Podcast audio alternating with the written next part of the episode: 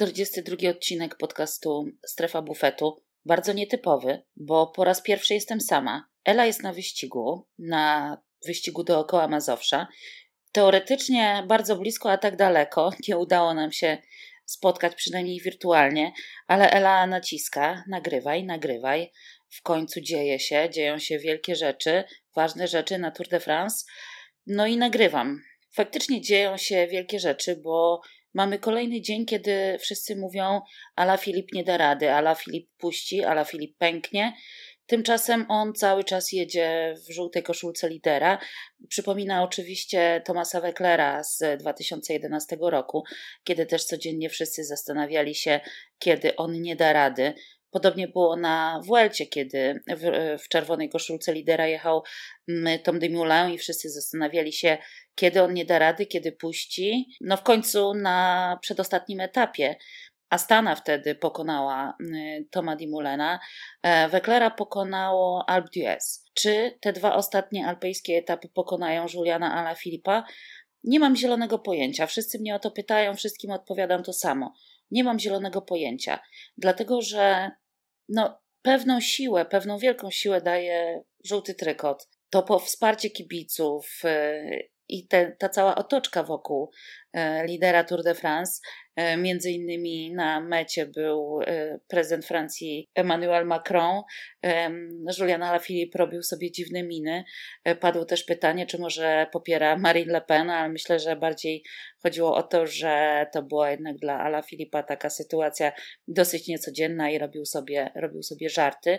Też trzeba powiedzieć, że przed tym osiemnastym etapem e, Julian Alaphilippe dostał tysiąc franków kary za to, że nie pojawił się na konferencji prasowej, a to z kolei wskazuje, że no, przygotowywał się jednak chyba psychicznie, mentalnie i fizycznie na ten e, etap osiemnasty, który miał być etapem królewskim. Jak to często bywa, z wielkiej chmury mały deszcz ale też ja uważam, że te zbyt ciężkie etapy właśnie to sprawiają, że kolarze bo są tylko ludźmi, nie mają więcej sił do tego, żeby jechać tak ciężkie, trudne podjazdy, na dodatek powyżej 2000 metrów, kiedy wiadomo, jak to działa na wydolność organizmu. Kilku zawodników dziś ewidentnie czuło się gorzej niż zazwyczaj, mianowicie Thibaut Pinot chyba nie był w stanie tam specjalnie odpowiadać. Miałam wrażenie, że Steven Kreisweig to jedzie na rzęsach. Mm, zaatakował Egan Bernal, ale dla niego też te wysokości pewnie są czymś o wiele bardziej naturalnym e, niż dla Europejczyków. E, podobnie jak mówiono o Richardzie Carapazie podczas Giro, że to jest człowiek, który po prostu wychował się na wysokości i jego organizm zupełnie inaczej na tę wysokość e, reaguje i na wysiłek na takiej wysokości. Oczywiście kolarze przygotowują się do takich wysokości, jeżdżąc chociażby na obozy na Teneryfę, czy do Sierra Nevada, czy jeszcze chyba gdzieś we Włoszech trenują również. Więc robią wszystko, żeby to było dla nich jak najbardziej naturalne i jak najbardziej wyćwiczone. Tym niemniej chyba płacą. No, od lat wiadomo, że Alejandro Valverde nie lubi jeździć powyżej 2000 metrów. No i dzisiaj się sprawdziło, bo, bo nie był w stanie jechać e, z czołówką najlepszych y, wspinaczy. Zapomniałam w sumie powiedzieć, że jeszcze Ela się w tym podcaście pojawi, więc słuchajcie uważnie, żebyście nie musieli dwa razy puszczać. Ela jeszcze będzie, przynajmniej taką mam nadzieję, tak obiecała, więc y, to tyle komunikatów, o których zapomniałam z wrażenia na początku. Wracając y, do wysokości. W piątek mamy dach wyścigu, czyli Col d'Izeran, 2700 metrów no i może być różnie, może być różnie. To znaczy, jeżeli ja miałabym gubić Ala Filipa, to próbowałabym go zgubić już tam. Dlatego, że co prawda Ala Filip świetnie zjeżdża, co pokazał dzisiaj. Natomiast jeżeli się go tam porządnie zgubi, mm, to nawet mimo tego, że potem jest zjazd, to potem jest jeszcze e, ostateczny podjazd i Ala Filip pewnie nie zdołałby tego odrobić. Natomiast powiem tak, jeżeli Ala Filip wytrzyma piątek, to być może wytrzyma również y, sobotę. W sobotę ten ostatni podjazd y, jest dosyć regularny. Pewnie Ala Filip tego nie lubi. Y, też jest położony powyżej 2000 metrów. Mm, Val Thorens. No ale zobaczymy. Nie pamiętam już, czy Polidor, czy Bernard Hinault jeszcze na samym początku wyścigu powiedział, że Julian Alaphilippe nawet jeszcze nie wie, ile siły i mocy daje żółta koszulka lidera. Wtedy nie wiedział, teraz już pewnie ma znacznie większą tego świadomość i widać, że bardzo mu zależy, bardzo zależy całej ekipie. Patryk Lefebvre, czyli szef Deceni Quickstep, bardzo się uaktywnił na Twitterze i mm, beszta różnych hejterów, którzy się pojawili po tym, jak e, Ala Filip został popchnięty przez e, jednego z dyrektorów sportowych e, na podjeździe. Mm, za, za, za, podobną rzecz, tylko ze strony kibica na Giro karę dostał Primoz Roglic 10 sekund. Natomiast tutaj ukarano tylko dyrektora sportowego karą 500 franków. No cóż, myślę, że organizatorzy mają takie, jednak przymykają oko na, na Francuzów. No zresztą no nic dziwnego, no to jest wyścig we Francji, nikt by im tego nie wybaczył, e, gdyby tutaj Ala Filip dostał jeszcze karę 10 e, sekund. Ogólnie te kary wyznaczane przez UCI są jak zwykle bardzo dziwne. Mm, ja ze smutkiem przyjęłam informację, że z wyścigu zostali re relegowani e, Tony Martin i Luke Rowe, bo obaj są bardzo fajnymi, sympatycznymi kolarzami, chociaż jak pisze The Secret Pro, obaj są dosyć krewcy. Mm, no tutaj nie doszło tak naprawdę do rękoczynów, do takich jak e, podczas Vuelty, kiedy pobili się, fa fa faktycznie pobili się Iwan Rowny z Gianluką e, Brambilą, e, którzy zostali zdjęci już od razu z trasy przez sędziów, co było dosyć zabawne, ponieważ Brambila jechał, jechał i płakał.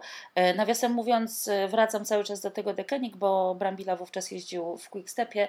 Chciałam powiedzieć, że bardzo mi imponuje jazda mm, Dekenik.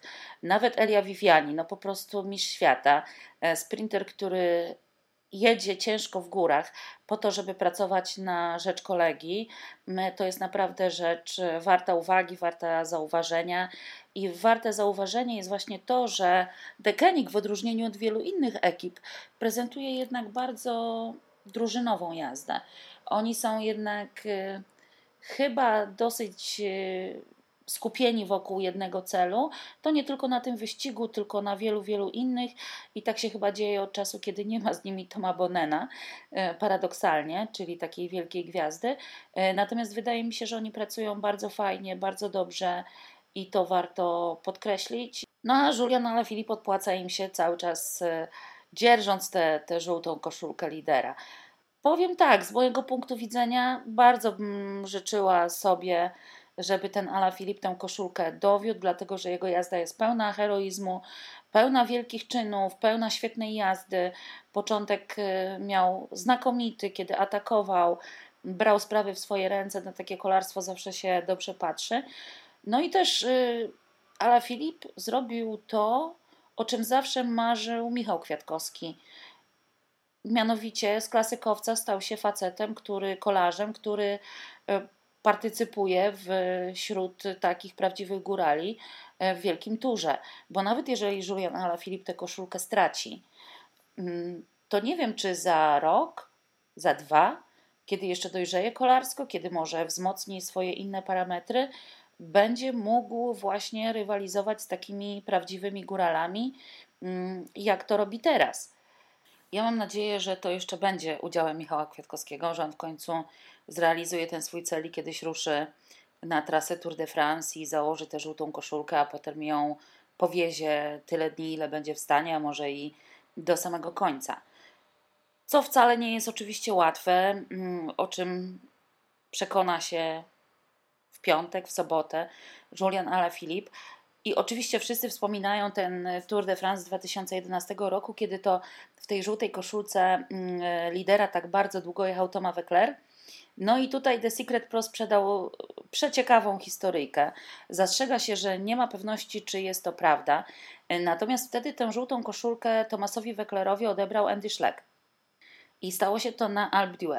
No i generalnie na tym Alp odbyła się taka generalnie wielka impreza, pełno kibiców, radość i tak dalej, i tak dalej. I jak twierdzi The Secret Pro, Andy Schleck poszedł wówczas w tany, no po prostu zabalował.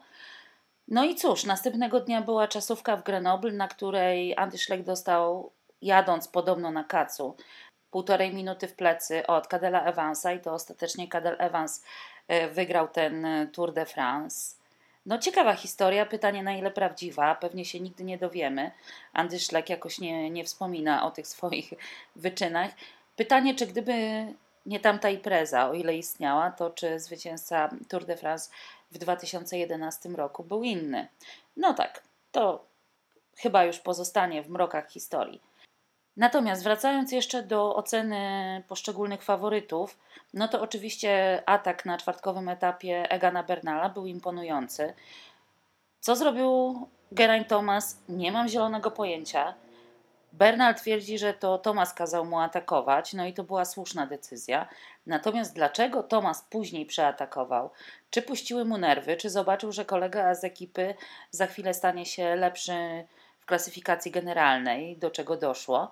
Mm, czy co tam się zadziało u Walijczyka? Nie mam zielonego pojęcia, bo było to bardzo niemądre taktycznie zachowanie, ponieważ on dowiózł tak naprawdę tych swoich rywali. Za chwilę doszedł go Pino, odczepili na chwilę Ala Filipa, ale nic więcej się nie wydarzyło, bo Ala Filip pokazał, że zjeżdża jak szatan, mm, prawie tak dobrze jak Michał Kwiatkowski.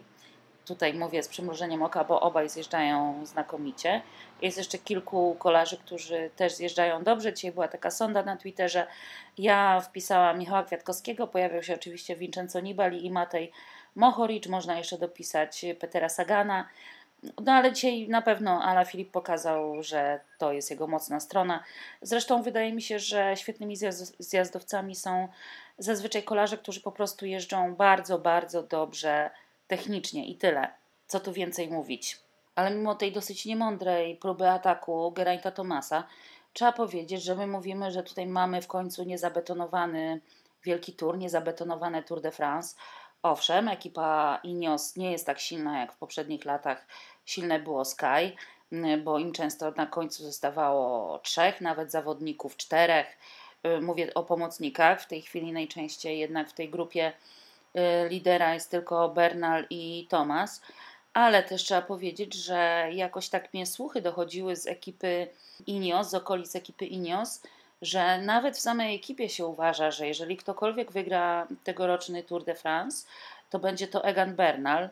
No i to jakby się miało potwierdzić. W tej chwili obu panów dzieli kilka sekund. Jest to tak naprawdę, no, wszystko się jeszcze może podczas tych, tych dwóch etapów zdarzyć. Byłoby to bardzo ciekawe, ponieważ Bernal jest w tej chwili posiadaczem białej koszulki najlepszego młodzieżowca. No i tak sobie sprawdziłam. Pamiętałam, że na pewno w 2007 roku Alberto Contador wygrał Tour de France, mając e, białą koszulkę młodzieżowca również. Zdarzyło się to również w 2010 roku, kiedy Andy Schleck wygrał Tour de France, aż nie chce mi to przejść przez gardło, mając białą koszulkę mm, młodzieżowca. Natomiast no, bądźmy szczerzy, no de facto Andy Schleck te, tego Tour de France nie wygrał, on je wygrał e, później na papierze, kiedy skreślono Alberto Contadora. Mm, tym niemniej to są dwaj ostatni zawodnicy, którzy w obu klasyfikacjach e, przodowali. E, mówię o takich ostatnich, ostatniej dekadzie, powiedzmy, kolarzy. No i tutaj byłoby to ciekawe, bo o ile myślę, że Alberto Contador swoje, swoją karierę poprowadził dobrze i, i wygrał w końcu te dziewięć, bądź jak, bądź jak twierdzą niektórzy, siedem wielkich turów, e, o tyle Andy Schleck, no niestety, właściwie to był jego największy sukces. On był znakomitym góralem, ale właśnie tak jak pisze The Secret Pro, był takim wielkim dzieckiem, bo też w tej książce opowiadającej o etapach Tour de France, która ukazała się w ubiegłym roku, y, Andy Szlek opowiada właśnie o tych swoich rajdach w tym 2011 roku i na przykład opowiada, jak to na tę swoją wielką ucieczkę ruszył w koszulce kolegi, bo mu się pomyliło, co sprawia, że no widać, jakim on był, jak to mówią, po prostu nieogarem. Brakuje mi innego słowa tutaj. W tym momencie Ela pewnie powiedziałaby coś y, zabawniejszego albo bardziej trafnego. Także no też y, oczywiście gdyby Bernal wygrał to Tour de France, no to, to byłoby coś niezwykłego, bo jest kolarzem bardzo, bardzo jeszcze młodym, ale też y, na co zwracają uwagę eksperci, no ci kolarze z Ameryki mm, Południowej, oni szybciej dojrzewają chyba od swoich europejskich kolegów i też jakby szybciej tracą moc. co jest na przykład udziałem Nairo Quintany, który oczywiście po tym swoim pierwszym wielkim Tour de France w 2013 roku, kiedy wróżono mu niesamowitą karierę, kiedy był najlepszym góralem na świecie, Wygrał oczywiście Giro d'Italia, wygrał oczywiście Vuelta, natomiast na Tour de France nigdy mu nie szło, a też w ostatnich latach mam wrażenie, że to nie jest ten sam Nairo Quintana. Oczywiście on pod Galibię podjechał znakomicie. Zanotował doskonały czas, ochlapał się jeszcze żelem, co wyglądało jak krople krwi na jego koszulce y, i się obawiano, że on tam gdzieś kraksę miał, co prawda niby gdzie, przecież wszystko było widać. Natomiast to był po prostu jakiś żel, który on tam sobie wyciskał dość niefortunnie.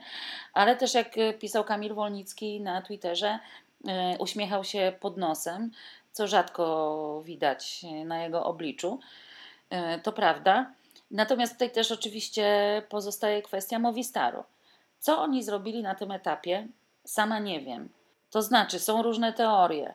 Teoria taka, że im zależy na tym, żeby cały czas prowadzić w tej klasyfikacji teamowej, żeby cały zespół mógł w Paryżu wejść na e, podium Tour de France. Oni im zawsze na tym bardzo zależy, e, zawsze w to celują, jeszcze w czasach Banesto E, celowali w, w tę klasyfikację.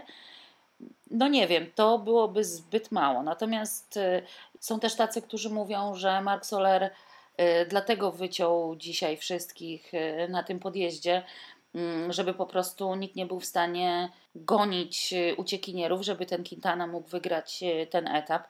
Mnie to nie przekonuje. Sam Quintana mówi o tym, że początkowo jego Udział w ucieczce miał być y, wsparciem dla ataku Mikela Landy, który miał właśnie atakować gdzieś z oddali, żeby zyskać y, nad innymi zawodnikami w klasyfikacji generalnej, żeby zniwelować tę przewagę. Ostatecznie nie doszło do tego ataku. Landa musiał się poświęcić, ponieważ tutaj y, Nairo miał takie nogi, że mógł walczyć o wygraną etapową, jak widać z sukcesem. Dzisiaj pokazał naprawdę, naprawdę dobrą jazdę. No, tym niemniej to wszystko jest bardzo, bardzo dziwne. E, właściwie w tym całym towarzystwie to chyba tylko Alejandro Valverde jest e, w miarę normalny, co brzmi dziwnie, ale on tam jedzie swoje. Dzisiaj trochę stracił. Mm, bardzo szkoda, że Valverde wykorzystywano wcześniej do pracy na Quintanę, z czego efektów wtedy, wtedy nie było żadnych. No tym niemniej ja nie wiem, jakie panują nastroje w ekipie Movistar, zwłaszcza między kolarzami, bo tam co sobie myślą dyrektorzy sportowi, to sobie myślą. E, pytanie właśnie, jak odnoszą się do siebie sami kolarze. E, te były teorie na Twitterze. Kamil Wolnicki napisał, że pytanie, czy piją wspólnie szampana, czy raczej się okładają e, butelkami. Ja sobie myślę, że ten Quintana to chyba się zamknął w pokoju i pije do lustra tego szampana. No w każdym razie ich jazda, ich jazda po raz kolejny jest e, co najmniej dziwna. E, oni podejmują bardzo dziwne decyzje taktyczne. Mówi się, stary lis Eusebio Zue wie co robi, no ale ja czasami mam wrażenie, że nie wie. Z drugiej strony, może my czegoś nie wiemy.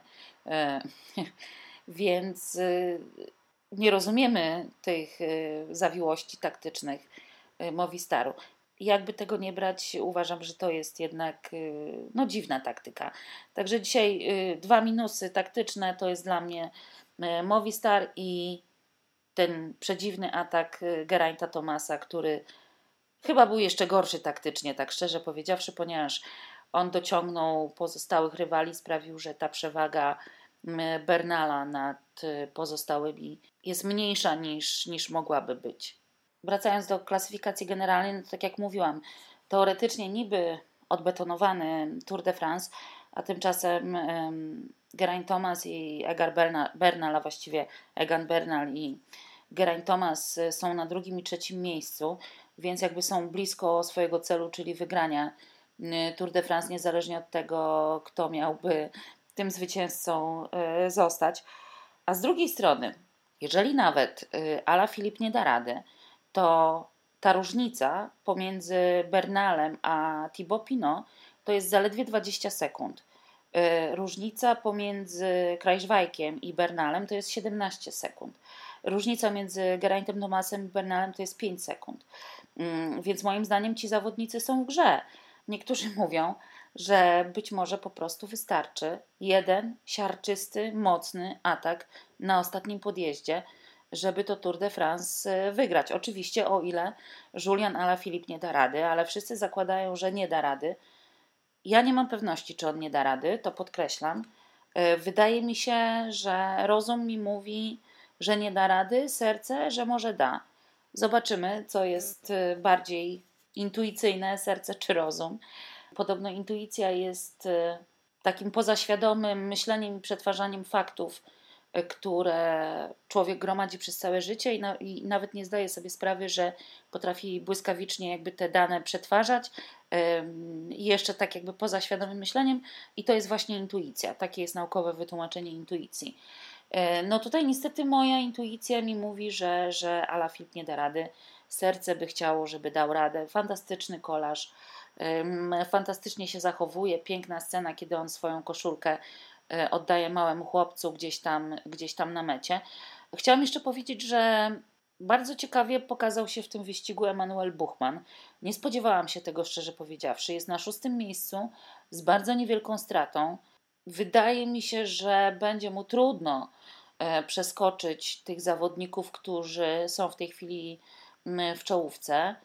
No, jeżeli odpadnie Ala Filip, to być może E, Buchman skoczy wyżej. Pytanie, czy Ala Filip, jeżeli odpadnie, to już odpuści e, i będzie miał dużą stratę, czy jednak będzie się starał w tej klasyfikacji generalnej, nawet mimo jakiegoś tam kolapsu, zostać i walczyć o to, żeby być w tej dziesiątce. E, tym niemniej, no powiem, że jest to imponująca jazda jak na takiego młodego kolarza i jeszcze będą z niego ludzie po prostu. Jest dużo kolarzy, którzy mnie zawiedli, no tutaj Romain Bardet będzie chyba starał się przywieźć do Paryża koszulę w grochy. Mm, zawiedli mnie Dan Martin, zawiódł mnie po raz kolejny Fabio Aro, ale tutaj nie spodziewałam się jakichś szczególnych wyczynów. Całkiem pozytywnie oceniam Warrena Bargila. Spodziewałam się, że on jednak tutaj nie będzie tak blisko czołówki. On w tej chwili jest na 12 miejscu. Ja się spodziewałam, że on też zatankuje i będzie ewentualnie walczył o grochy. E, akurat nie tym razem. Bałkę Molema, no to on już ma bardzo dużo, bardzo dużo w baku. E, też mnie rozczarował. Chyba Jesus Erada, chyba spodziewałam się e, więcej po tym zawodniku. Richie Port zgodnie z przewidywaniami i tak cud, że dojechał aż do teraz. Miejmy nadzieję, że ukończy przynajmniej ten wyścig. Dziewiąty etap już za nim, więc dawno za nim, więc chyba, chyba, będzie, chyba będzie dobrze. No i bardzo, bardzo mi szkoda George'a Beneta. Tak jak mówiłam, wieczne propsy dla George'a Beneta za e, tego Landisa z Giro z ubiegłego roku. No niestety chłop ma pecha, wywraca się niczym Geraint Thomas, tylko z gorszym skutkiem. E, bo tutaj trzeba powiedzieć, że Geraint Thomas już trzy razy leżał w kraksie i kiedyś, jak to mówiono, gdzieś czytałam taki komentarz złośliwy, że mm, kiedyś był latający Holender, a teraz mamy latającego Walijczyka. No zobaczymy. Szkoda, szkoda, bo on też w górach pokazywał całkiem, całkiem niezłą nogę, no ale jak widać to, to, nie jest jego, to nie jest jego tour. Pytanie, czy to jest tour Thibaut Pinot, no mówię, 20 sekund, które dzielą go od Bernala, to jest i dużo, i mało. Cały czas jeszcze jest ten Julian Alaphilippe. Minuta 30 to nie jest dużo, ale mamy dwa bardzo, bardzo trudne etapy, a też wszyscy mamy chyba taką świadomość, że Ala Filip, Lulu, Żużu, D'Artagnan y, jedzie już na limicie swoich możliwości i no i chyba nie da rady się zregenerować na tyle, nie da rady wykrzesać siebie tyle sił, żeby tam jeszcze wytrzymać. No ale wszystko przed nami. Nawet jeśli w dalszym ciągu nieco zabetonowany Tour de France, to jednak bardzo ciekawy Tour de France. Najciekawszy od lat. Zobaczymy, jaki będzie finał chyba w tej sytuacji właśnie, żeby te, te, tego, to odbeton, temu odbetonowaniu stało się zadość, chciałabym, żeby jednak zwycięzcą nie okazał się kolarz Inios, tylko jakiś inny kolarz. Byłoby ciekawiej, mógłby to być Julian Alaphilippe. Tutaj y, całym sercem mu tego życzę, choć wiem, że to są życzenia, które się prawdopodobnie nie spełnią. Mógłby być to Thibaut Pinot. Jeżeli będzie oczywiście Egan Bernal albo Geraint Thomas, nie będę płakać. To są również świetni kolarze, przy czym tutaj bardziej imponuje mi Egan Bernal, więc raczej, raczej stawiałabym na Bernala. Wydaje mi się, że Krajszwajk no, jedzie tutaj bardzo dobry wyścig, ale wydaje mi się, że nie jest w stanie sięgnąć po zwycięstwo. To nie jest ten Steven Krajszwajk, który liderował na Giro do momentu tego wjazdu w tą zaspę i tej kraksy. To nawet nie jest Krajszwajk z Giro z 2015 roku, kiedy jechał fantastycznie w górach z Mikelem Landą i Contadorem wówczas e, na kilku etapach. E, bardzo ładnie wyglądał i jechał jakoś tak bardziej, bardziej ofensywnie, powiedziałabym. No i tak to, chyba, tak to chyba wygląda. Gdzieś spośród tych de facto czterech kolarzy należy szukać zwycięzcy. Tak mi się wydaje. Nie spodziewam się, żeby tu ktokolwiek był w stanie cokolwiek więcej zrobić. No chyba, że ktoś planuje, planuje zrobić Landisa e, lub Fruma, Landa, Quintana, nie wiem. Ale też chyba raczej się tego spodziewać e, nie należy. No i to tyle ode mnie. Chciałam jeszcze pozdrowić Marka Tyńca i Marcina Raczyńskiego bardzo serdecznie e, za miłe dyskusje na Twitterze, a Marka Tyńca polecić jest jeszcze kilka ciekawych etapów. Oglądajcie jego podsumowania na YouTubie, bo są bardzo ciekawe. Ja oglądam wszystkie. No i teraz chyba czas na łączenie z radiem Praciaki. Tfu, to chyba radio Mazowsze, e, a nie Praciaki. W każdym razie halo, halo, elu. No dobrze, to może ja na początek w takim układzie przyznam, że to ja zmusiłam Arlenę wiadomościami na Messengerze e, do tego, żeby nagrała dla Was podcast ze swoimi przemyśleniami, bo ja zawsze uważałam ją za bardzo duży autorytet, jeśli chodzi o kolarstwo i mam wrażenie, że cały czas, no może nawet nie mam wrażenia, jestem przekonana, że cały czas się od niej czegoś o kolarstwie uczę.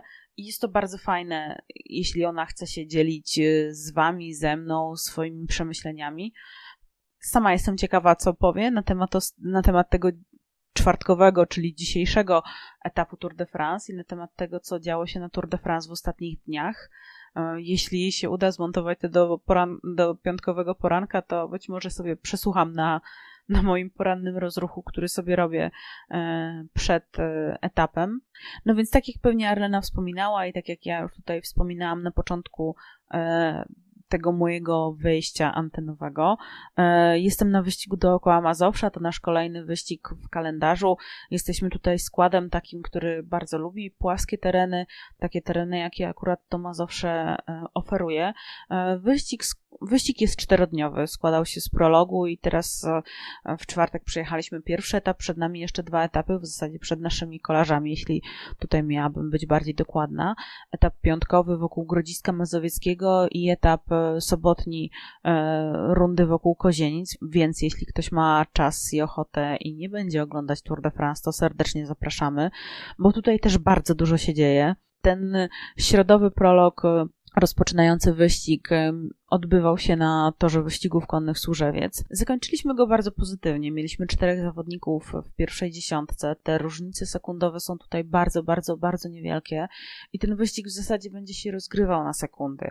E, tutaj trzeba być czujnym i trzeba łapać te sekundy tam, gdzie tylko jest to możliwe, czyli na przykład trzeba się zabierać w odjazdy, bo może też jeszcze tak wyjaśnię, że wyścig w zasadzie przez te trzy dni kolarze będą się ścigać na rundach. To w czwartek były rundy wokół Teresina, w piątek to będą rundy wokół Grodziska Mazowieckiego i w sobotę wokół Kozienic, tak jak już mówiłam. I na tych rundach, na, na konkretnych rundach są usytuowane premie lotne, e, gdzie można zgarnąć te sekundy, no i oczywiście sekundy, bonifikaty sekundowe są też przyznawane na mecie, więc jeśli chce się myśleć o wygranej w tym wyścigu, to trzeba te sekundy po prostu zgarniać tam, gdzie się da.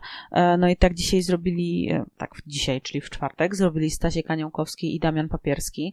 Damian zabrał się w taki odjazd dnia. E, tam było dziewięciu zawodników i Damian wygrał pierwszą lotną premię, zgarnął sekundy. Z kolei Stasiek zajął drugie miejsce na etapie, więc też te sekundy zgarnął.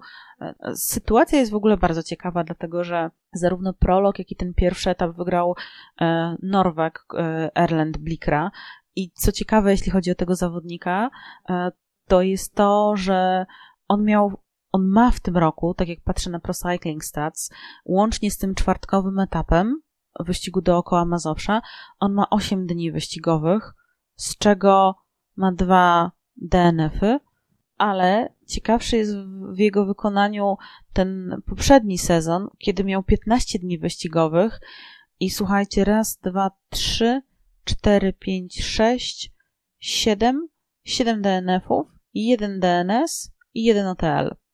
No ale na wyścigu dookoła Mazowsza e, można powiedzieć, że chłop sobie radzi dobrze. E, ma, o ile dobrze pamiętam, 9 sekund przewagi nad drugim w klasyfikacji generalnej Staśkiem Aniołkowskim, a trzeci w generalce jest Damian Papierski, piąty jest Patryk Stosz e, i ósmy jest Kamil Małecki, więc myślę, że jest na razie przyzwoicie. Oczywiście zawodnicy zrobią wszystko, aby te szale zwycięstwa e, przechylić no, na stronę naszej ekipy podczas tych dwóch e, kolejnych etapów. Będzie ciężko, bo to są etapy sprinterskie, więc tak jak wcześniej mówiłam, trzeba będzie liczyć po prostu na swój spryt, e, na to, żeby mieć troszeczkę jednak tego kolarskiego szczęścia, żeby się w te odjazdy załapać, te odjazdy, które nie będą kasowane. No i żeby po prostu też mieć dobrą nogę. No my jesteśmy dobrej myśli, Mam nadzieję, że będę w równie dobrym nastroju w sobotę, a kolejny wspólny podcast postaramy się dla Was nagrać w niedzielę albo w poniedziałek. E, być może będzie to e, właśnie w niedzielę, kiedy król Julian zostanie królem Paryża. I na miejscu Paryża to bym się bała, jeśli król Julian zostanie królem Paryża, e, bo wydaje mi się, że impreza będzie gruba. No i w ogóle to, co, to, co robi Ala Filip, to jest to jest po prostu niesamowite, bo myślę, że nikt by nie postawił na niego, no może nie nikt, no, przypuszczam, że parę osób by się na świecie znalazło, które by po prostu na przekór wszystkiemu postawiło jakąś złotówkę albo jakiegoś eurazka na Ala Filipa, może nawet wyższe kwoty. No ale umówmy się, on raczej nie należał do faworytów. Jeśli chodzi o klasyfikację generalną, raczej liczono, że spodziewano się, że tę koszulę odda. On jej nie oddał po Turmale i nie oddał jej też dzisiaj, na tym czwartkowym etapie, no robi rzeczy niesamowite. Ja co prawda nie mam możliwości y, śledzenia dokładnie, tak jak już wspominałam, tych etapów na Tour de France. Y, staram się po prostu zerknąć, czy to na klasyfikację generalną, czy to też tak troszeczkę patrzeć na, na relacje twitterowe. I dzisiaj też y, w samochodzie mieliśmy możliwość, żeby chwilkę porozmawiać z, o tym, co robi Ala Filip no i wszyscy żeśmy stwierdzili, byliśmy z mechanikiem i z naszym dyrektorem sportowym, że to jest po prostu no, no niesamowite, tak? Kolarz, który, e, który jest kolarzem takim dedykowanym na klasyki, czy dedykowanym na takie krótkie etapówki, no robi to, co robi, tak? I, i nie wiem, co tutaj można więcej powiedzieć. Tak naprawdę. Musiałabym chyba też e, zobaczyć te etapy, żeby się na temat e, na temat tego może mocniej wypowiedzieć, chociaż tak z drugiej strony nie wiem, czy mogłabym coś więcej powiedzieć. No jest to po prostu niesamowite. I jest coraz większa szansa, że, że on tę koszulę dowiezie do, do Paryża. Jestem w ogóle ciekawa, czy Patrick Lefebvre się tego spodziewał. Czy obstawiał to. Nie wiem, co tutaj jeszcze na temat Tour de France mogę dodać. Widziałam, że e, Luke Rowe e, i Tony Martin e, mieli taką mieli taki mały argument, jeśli można użyć języka angielskiego. Mieli taką małą sprzeczkę między sobą i akurat Tony Martin to jest taki kolarz, tak patrząc po jego aparycji, nie powiedziałabym, że ma w sobie takie e, pokłady asertywności, jeśli tak to można e, dyplomatycznie powiedzieć. No mnie w ogóle też bardzo ciekawi też z punktu widzenia e, PR-owego i też z punktu widzenia tego, jaki zawód aktualnie wykonuje, e, ta sprawa Rohana Denisa, ona jest ekstremalnie ciekawa i, i myślę, że sobie więcej porozmawiamy z Arleną na temat tego, e, na temat tej sytuacji już w tym podsumowa- podsumowującym podcaście Tour de France. Natomiast no o Rohanie to ja bym bardzo chciała porozmawiać i mam nadzieję, że, że Arlena wspomniała. Co więcej, tam na Twitterze też się pojawiały takie e, doniesienia odnośnie tego, że Dylan Tens udzielił wypowiedzi belgijskim mediom. E, no takiej wypowiedzi wręcz można powiedzieć trochę nieprzychylnej ekipie, bo według tego, co podawała jedna z dziennikarek, to bodajże była Josebin w odpowiedzi na tweeta dziennikarki Eurosportu. No i Josebin napisała, jakoby Dylan Tens miał się wypowiedzieć dla jednej z belgijskich gazet, że Rohan miał obiecany jakiś nowy sprzęt, nowe, nowe stroje e, i inne tego typu rzeczy. E, a tego przed Tour de France nie dostał. No i ja postanowiłam zapytać u źródła, tak, czy zapytałam się po prostu Dylana Tensa, skontaktowałam się z nim i zapytałam się go, czy, czy on rzeczywiście coś takiego powiedział. No niezbyt był chętny do, do konwersacji. Przypuszczam, że tam też już e, troszeczkę PR-owcy ekipy podziałali i poinstruowali kolarzy, w jakim tonie mają się wypowiadać na, te tematy związane z, z Rohanem Denisem i z tym, co stało się e, na Tour de France.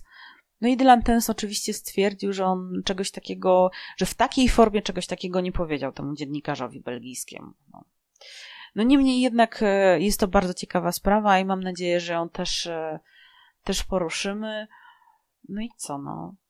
Ciekawe, kto dowiezie to żółtko do Paryża. Ja uważam też, że moja teoria dotycząca tego, że, że jednak e, Sky, czy, czy, czyli Ineos e, bez Chrisa Fruma to jest jednak troszeczkę inna drużyna. Patrząc z perspektywy kibica, Chris Froome na pewno nie jest zawodnikiem, który, który może być obojętny, którego można odbierać w jakiś taki obojętny sposób. No on jest zawodnikiem, który wywołuje emocje.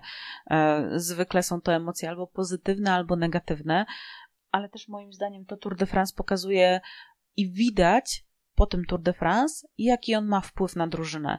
Że jednak, e, co by złego o nim nie mówić, jest to zawodnik, który trafi być liderem i który swoją postawą, czy to na rowerze, czy, czy może w busie na odprawie, jeśli ma okazję cokolwiek powiedzieć, e, no jest zawodnikiem, który tę drużynę potrafi w jakiś sposób tak, no nie wiem, zjednoczyć, e, zachęcić do walki, może. Ja już będę kończyć swoje wywody, ponieważ nagrałam aktualnie Arlenie prawie 14 minut, z czego pewnie cztery ostatnie minuty się trochę namęczy, e, bo będzie musiała mnie wycinać, bo oczywiście przy, przy Chrisie Frumie miałam parę poprawek. Także ja się żegnam, trzymajcie kciuki za CCC Development Team na wyścigu dookoła Mazowsza, e, trzymajcie kciuki za swoich faworytów na Tour de France i mam nadzieję, że słyszymy się w niedzielę albo w poniedziałek. No i to już dzisiaj y, wszystko. Słyszymy się ponownie w niedzielę. Obiecujemy, Ela wraca z wyścigu. Ja jestem w Warszawie. Na pewno będzie podsumowanie, na pewno będzie dużo ploteczek i myślę, że w końcu wrócimy do jakiejś regularności.